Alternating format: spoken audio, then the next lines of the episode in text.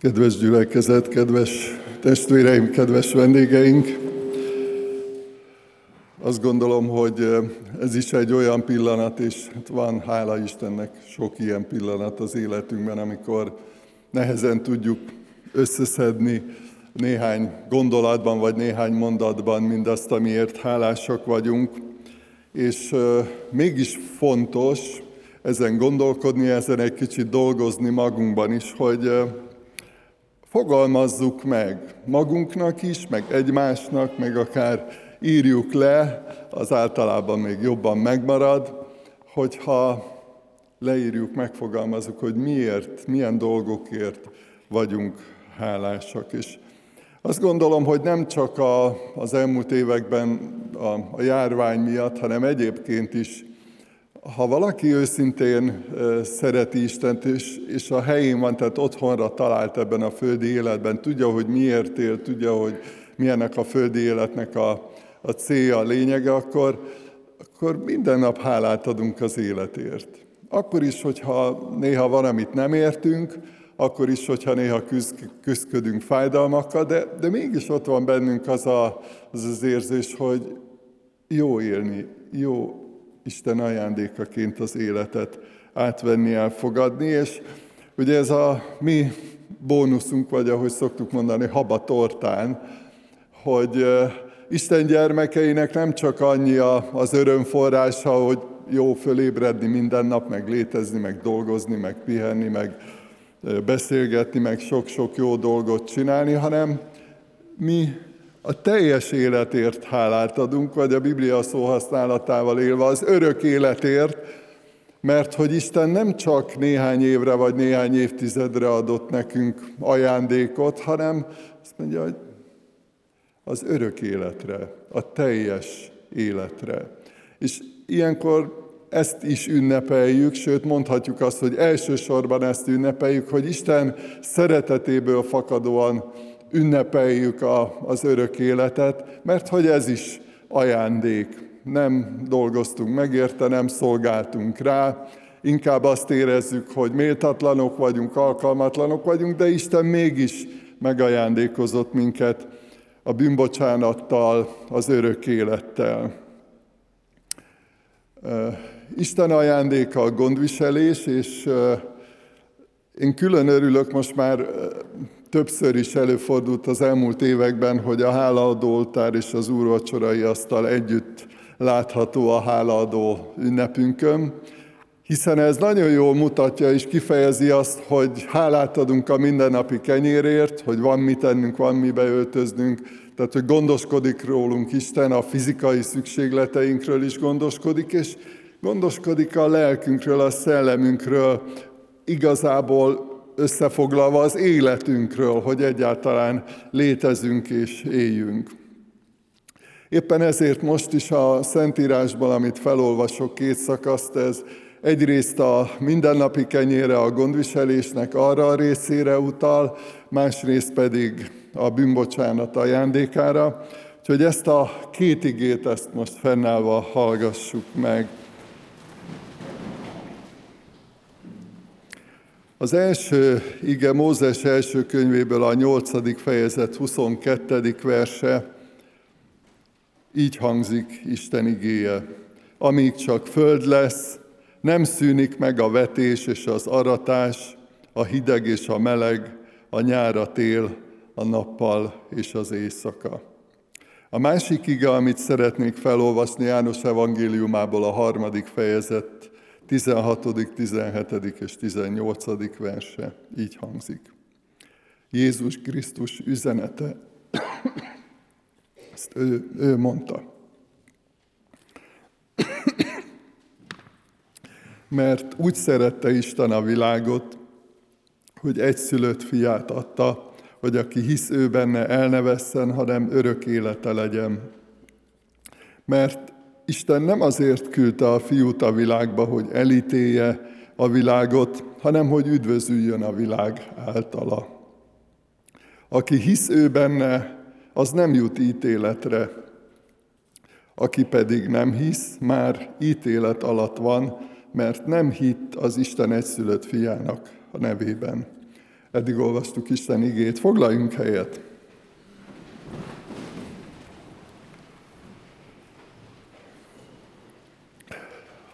Amikor Krisztus áldozatára gondolunk, vagy a mindennapi kenyére gondolunk, akkor felvetődik az a kérdés, hogy hát mi a forrása, vagy ki a forrása ennek a gondviselésnek.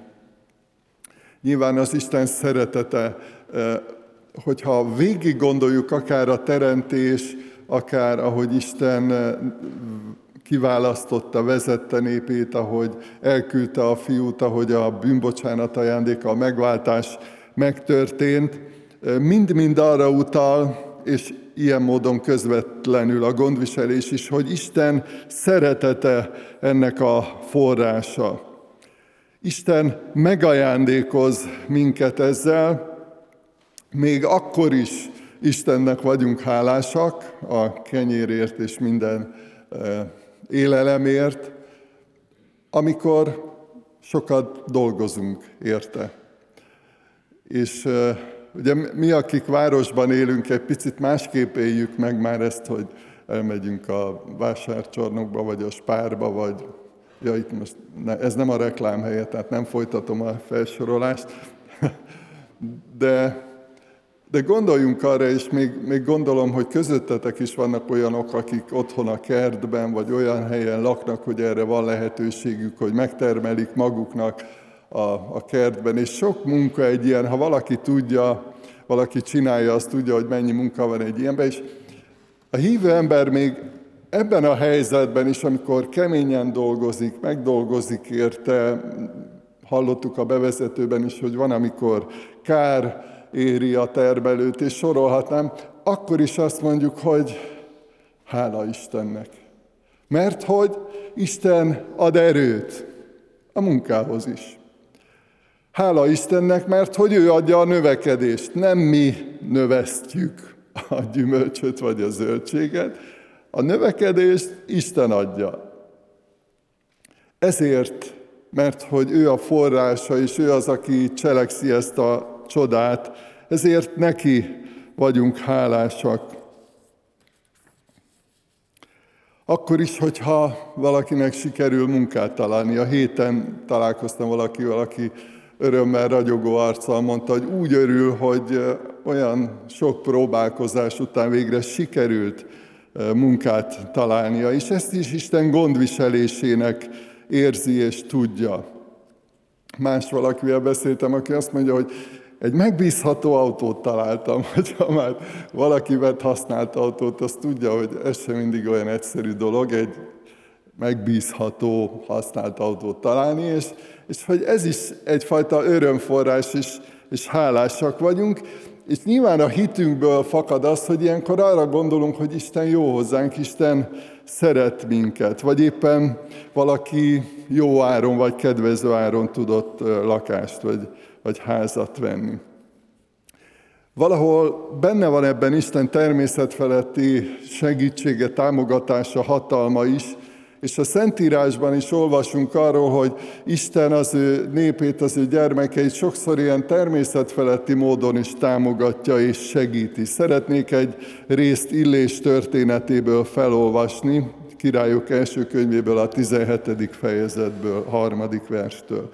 Eredj el innen, menj kelet felé, rejtőzz el a kerítpatak mellett a Jordántól keletre. A patakból majd ihatsz, a hollóknak pedig megparancsoltam, hogy gondoskodjanak ott rólad. Elment tehát, és az urigéje szerint járt el. Odaérve letelepedett a kerítpatak mellett a Jordántól keletre, a hollók hordtak neki kenyeret és húst reggel, kenyeret és húst este, a patakból pedig ivott. Egy nagyon nehéz időszakban volt Illés, és mégis átélte ebben a helyzetben, hogy, hogy Isten szereti őt, és hogy Isten gondoskodik róla, és hogy megvédte, milyen veszélyek között volt. És,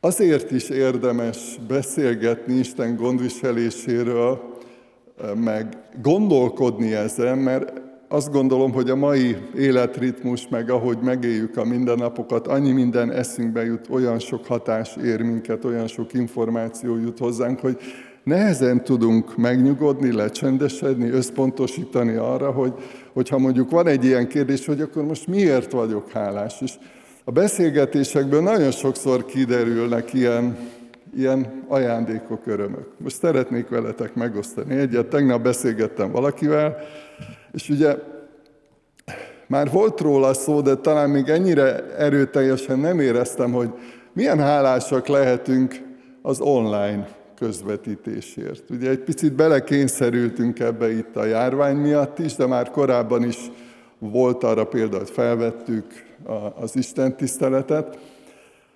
De tegnap mondta nekem valaki, tehát ez egy nagyon friss, segített abban, hogy így ráhangolódjak én is a hálaadásra még jobban, eh, hogy eh, hallotta egy hónappal ezelőtt Filipnek a bizonságtételét, és egyébként egy 70 éveshez közeli, tehát 70 évhez közeli eh, emberről van szó, és mondta, hogy megerősödött a, a bizonságtétel nyomán a hite, hogy igen, ő Krisztust akarja követni, és eldölt benne, hogy szeretné a bemerítkezésben is követni az Úr Jézust. és akkor csak így csodálkoztam, hogy hát te jó ég, néha nem is gondolunk erre, hogy, hogy itt vannak ezek a kamerák, meg a mikrofonok, meg az internet, meg a közvetítés, és hogy, hogy Isten a Szentlélek által ilyen módon is hat. Eljut a szívekhez, és amikor imádkozunk, akkor nem csak azért szoktunk imádkozni, hogy a technika lehetőleg ne romoljon el, és ne idegesítsen fel minket, mert azért aki technikával dolgozik, azt tudja, hogy nagyon megterhelő tud lenni, idegesítő tud lenni, hogyha valami nem működik, vagy nem úgy működik, ahogy kellene, ahogy szeretnénk. És amikor ilyeneket hallunk, ilyen csodákat megélünk, hogy Isten a Szentlélek által hatással van azokra, akik lehet, hogy egy éneket, lehet, hogy egy bizonságtételt, egy igét, egy tanítást, valamit hallanak, valamit megnéznek, és döntésre jutnak. Lehet, hogy nem is tudjuk, ugye, amikor, ez csak egy picit egy kis szakmai dolog, amikor ugye kiírja a képernyőn, hogy most mit tudom én, 40-en nézik, vagy 80-an, vagy hát attól függ, nyilván a járvány alatt volt a, a legtöbb. Ugye számokat látunk, statisztikai adatokat, de, de nem tudjuk sokszor, hogy mi van mögötte, hogy mennyien vannak igazából, és hogy figyelnek-e, és hogy mi történik az Isten igének, az Isten lelkének a nyomán. Szóval néhány dolgot elmondtam, felsoroltam, és, és hogy a szellemi életünkben, a lelki életünkben is ennek milyen fontos szerepe van a, a hálaadásnak, mert hogy Isten szeretetéből fakad a, a bűnbocsánat is. Szeretnék egy proféciát idézni, ami tovább vezet minket abban, hogy tényleg Isten hogy erősíti a mi hitünket. Ezékiel 36, 36. fejezetéből a 25. verstől kezdődő szakaszt. Tiszta vizet hintek rátok, hogy megtisztuljatok. Minden tisztátalanságotoktól és minden bálványotoktól megtisztítlak benneteket. Új szívet adok nektek, és új lelket adok belétek. Eltávolítom testetekből a kőszívet, és hús szívet adok nektek az én lelkemet adom belétek, és azt művelem veletek, hogy rendelkezéseim szerint éljetek, törvényeimet megtartsátok és teljesítsétek. És nyilván, hogy Isten vállalja hogy megváltoztat minket, hogy betölt minket a lelkével, és másképp fogunk gondolkodni, úgy fogunk gondolkodni, ahogy ő. Megváltozik az értékrendünk, ez mind-mind Istennek az ajándéka, Isten munkája. És amikor arra gondolunk, hogy Isten szeret minket, Isten megajándékoz minket, akkor ezekért is hálát adunk.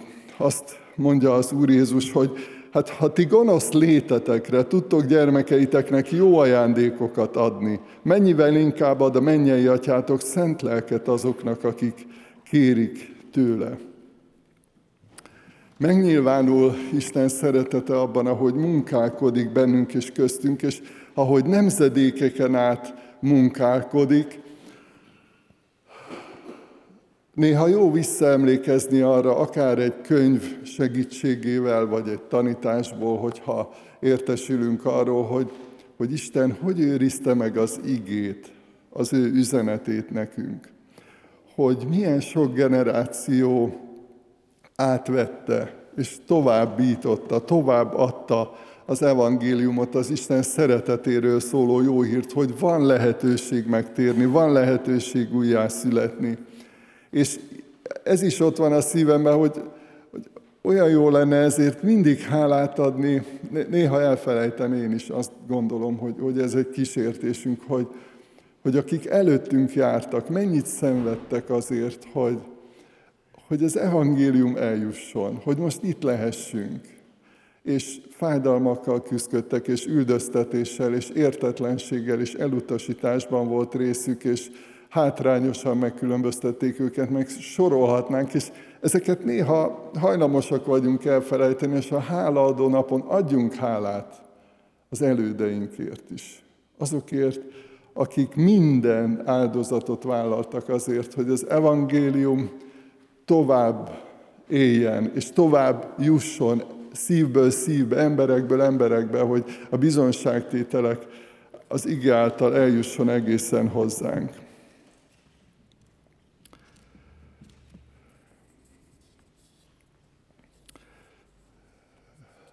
A gondviselésre, az Isten szeretetére a hála a jó válasz. Nem csak az, amikor énekelünk, vagy imádkozunk, az is nyilván, azt szoktuk ilyenkor csinálni, hogy magasztaljuk az Urat, de néha egyszerűen leülni, vagy, vagy megpihenni Isten jelenlétében, és gondolkodni rajta. Néhány hete köszöntünk el Gerzsenyi László testvértől, ő az Úrhoz költözött több évig ennek a gyülekezetnek a lelkipásztora volt, és nagyon sok illusztrációt, példát gyűjtött, és e, egy ilyet szeretnék most felolvasni nektek. A hála az egyik afrikai nyelven azt jelenti, hogy leülni valaki előtt a földre. Kicsit furcsa, de így van. Ugye más kultúra, más szokások, a hálás ember elmegy jótevőjének a házához, leül kunyhó előtti talajon, miközben egy szót sem szól. Próbáljuk elképzelni ezt a jelenetet. Csöndje, és az, hogy ott van, hogy közeledett és elérhető közelségbe vagy távolságban van, jelzi a hálaadását. Ezt fejezi ki ezzel. Aki hálás Istennek, leül Isten előtt, és élvezi jelenlétét. Sohasem elégszik meg csupán azzal, hogy megbillenti kalapját Isten előtt, amint tovább halad. A háladásban keressük Isten jelenlétét és a vele való közösséget. És emlékszünk azokra az igékre, amik bátorítanak, biztatnak minket a háladásra, hogy mindenkor hálát adjatok, vagy szüntelen imádkozzatok. Ez a fajta jelenlét, az Istenhez való kapcsolódás, az Istennel való közösség. Aztán hálát adni minden élethelyzetben lehet, és nagyon színes, sok, sokrétű az a dolog, amiért hálásak lehetünk. Szintén Laci bácsi gyűjtéséből egy, egy nagyon érdekes példát. Két lelkipásztorról szól a, olyan időszakban, amikor még egy lóerős volt a járművük, tehát lóháton jártak. Ma már egy picit ez másképp működik, de a tanulság nagyon fontos. Az egyik lelkipásztor mondta a másiknak, hogy csodálatos módon éltem át Isten megmentő vagy életmentő kegyelmét. A lovam megbotlott, és Isten különös gondviselése révén megmenekültem a biztos haláltól. A másik, a lelkipásztor ezt mondta. Nekem is okom van, sőt, még nagyobb okom van a háladásra, mert az én lovam meg sem botlott. A Bibliában azt olvassuk, hogy aki hálával áldozik, az dicsőít engem. Egy olyan állandósult háladásra mutat, amely minden órában, minden körülmények között magasztalja Istent a gondviselésért, a szeretetért, az ajándékozó jó indulatért. Néhány gyakorlati kérdés, ami személyesen engem is érintett, ahogy készültem. Hálásak vagyunk a mindennapi kenyérért. Nem tudom, hogy ki hogy van vele, fiatalok, idősebbek, diákok, munkások, dolgozók, irodá, irodában dolgozók, tehát sok, sokféle területen vagyunk, létezünk és forgunk. És néha azt tapasztalom, hogy, hogy már nincs időnk imádkozni, mondjuk egy ebéd előtt, vagy egy étkezés után. Mert sietünk, nincs idő rá, rohanunk. Az étkezés előtt elmondott imádság lehet egy Isten tisztelet. Gondoltunk-e már erre? Amikor meghajtjuk magunkat Isten előtt, és csak hálát adunk, tiszteljük, magasztaljuk őt a gondviselésért.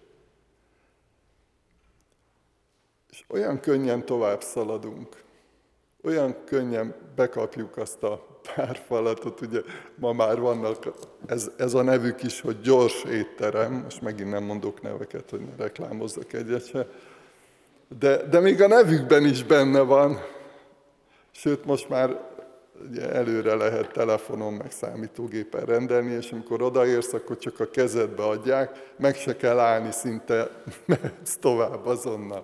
De elképesztő ez a tempó, ez a fajta fejlett kiszolgálás, de érezzük azt gondolom, én magamon is, a saját bőrömön is tapasztalom azt, hogy olyan könnyen átsiklunk a háladás pillanatain, vagy lehetőségein. És tudom, hogy tapasztalatból is, meg tudom, hogy ti is így érzitek, hogy, hogy olyan más, amikor mindenért hálát adunk, és megfogalmazzuk. Lehet, hogy csak annyit, hogy köszönöm az ételt, és köszönöm a kegyelmet, és úgy fogunk neki. De hogy, hogy ott van a szívünkben ez a tisztelet. És ez a hálaadó lélek, ez lehet egyfajta bizonságtétel is. Lehet, hogy már ti is jártatok így mondjuk gyors étteremben, vagy más étteremben, vagy olyan társaságban, egy osztálytalálkozón, bárhol, ahol olyan emberek is voltak körülöttetek, akik lehet, hogy nem keresztények, hogy lehajtottátok a fejeteket, és elmondtatok egy imádságot. Lehet, hogy magatokban, lehet, hogy hangosan. Én nekem is volt már olyan tapasztalatom, hogy egy ilyen étteremben imádkoztunk, és akkor láttam, vagy, vagy észrevettem, hogy kicsit közelebb fajoltak. Tehát, hogy volt, akit érdekelt, hogy, hogy most akkor mi, mit mondanak ilyenkor, amikor ebéd előtt imádkoznak. Tehát lehet egyfajta bizonságtétel is az őszinte hálaadás.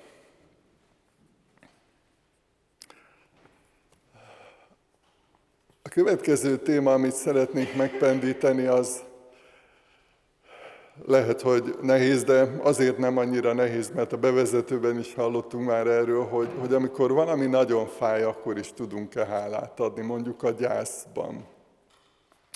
Én arra emlékszem, most nem tudom, lehet, hogy ezt már mondtam itt előttetek, de, de elmondom, hogy amikor apukám nagyon beteg volt, egyébként ma, pont ma 101 éve született az édesapám, 1920. október 3-án, tehát amikor már nagyon beteg volt, és akkor még nem tudtuk, hogy az volt az utolsó napja itt a földi életben,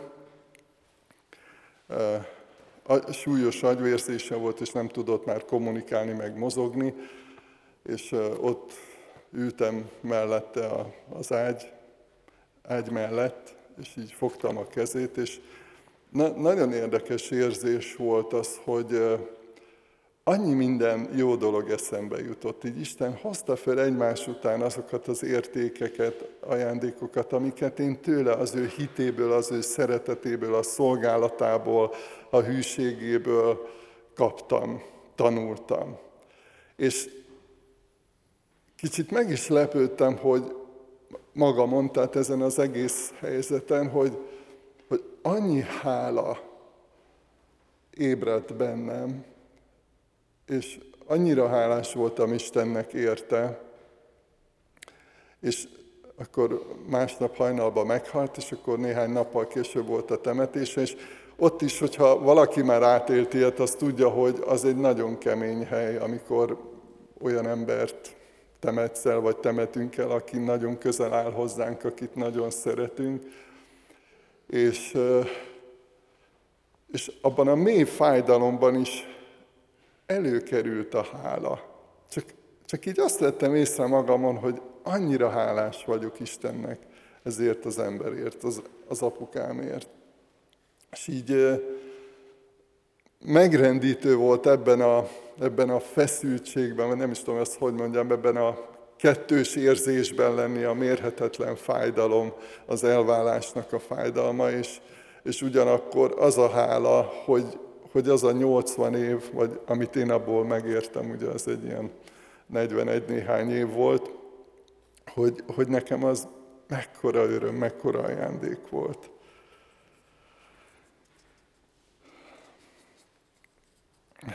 Aztán a hálaadással kapcsolatban még szeretném azt is elmondani, és ezt már itt az Isten tiszteleten is gyakoroltuk, hogy, hogy anyagi áldozatot is hozunk ilyenkor, vagy adományt adunk hálából, tehát szívünk hálájából, szeretetéből fakad ez, és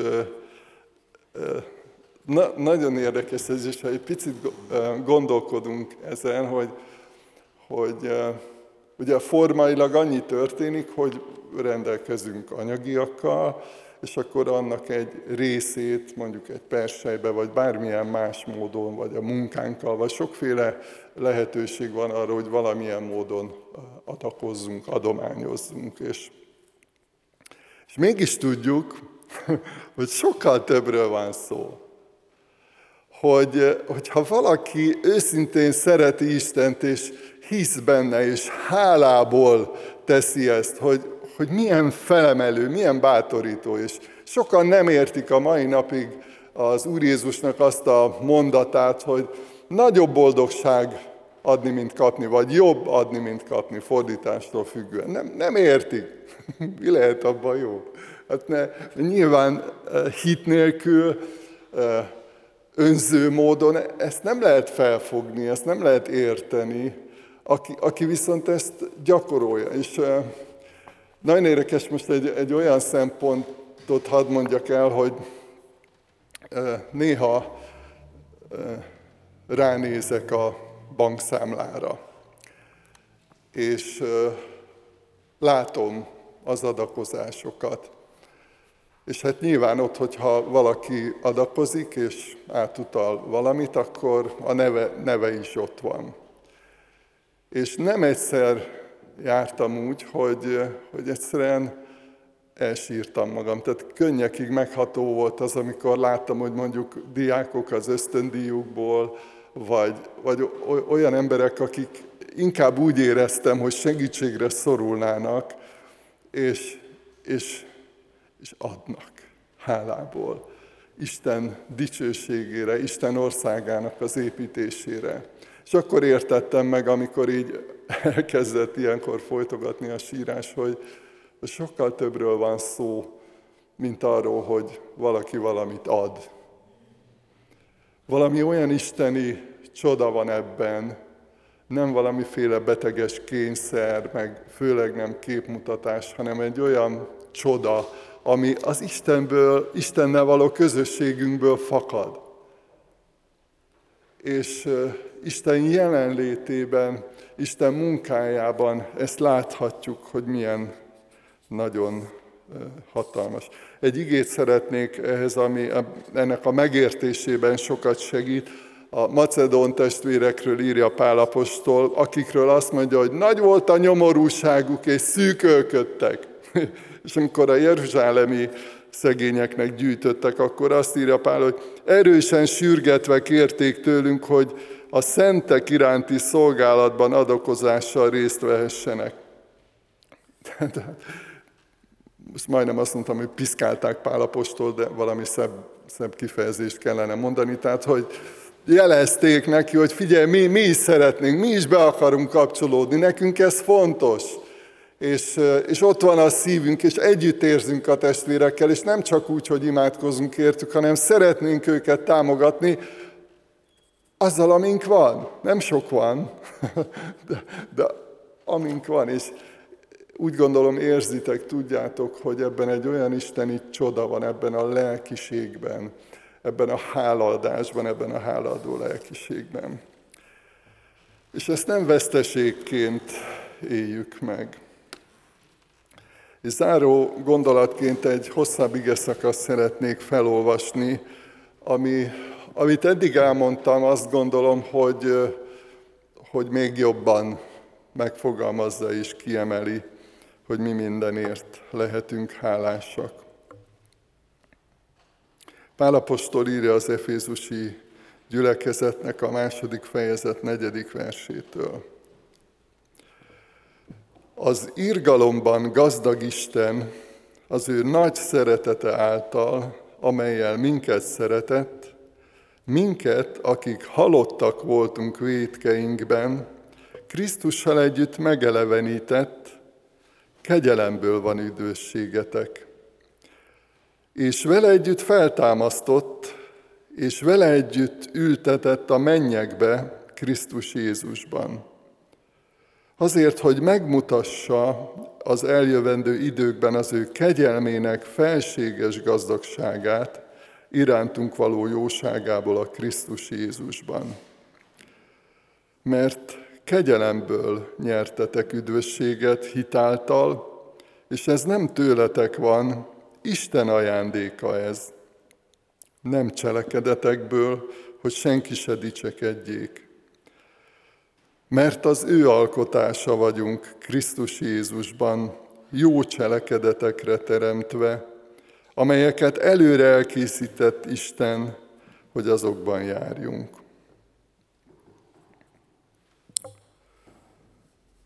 Egy néhány pillanatig legyünk csendbe Isten előtt, és akár azt, amit felírtunk, és oda ragasztottak a gyerekek, akár ha még valami eszetekbe jutott, mondjuk el a háladó imádságban, itt csendben, közösen Isten előtt. Egy néhány pillanatot szálljunk erre is, imádkozzunk.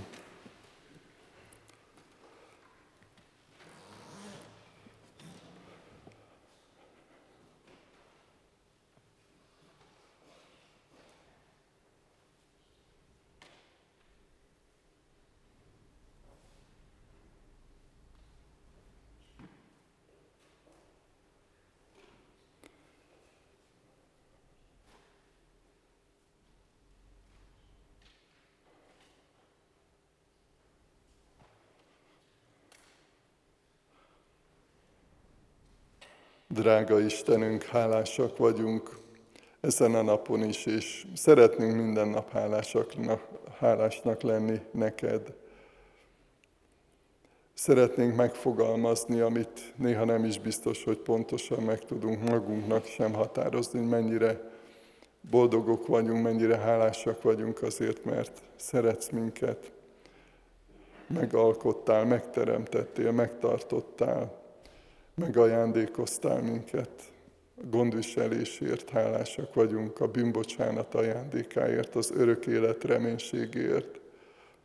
És arra kérünk segíts, hogy tényleg minden napunk igazi hála legyen, ahogy élünk, ahogy beszélünk, ahogy dolgozunk, ahogy pihenünk, minden, ahogy megéljük az emberi kapcsolatainkat, szeretnénk mindennel téged imádni és magasztalni. Amen.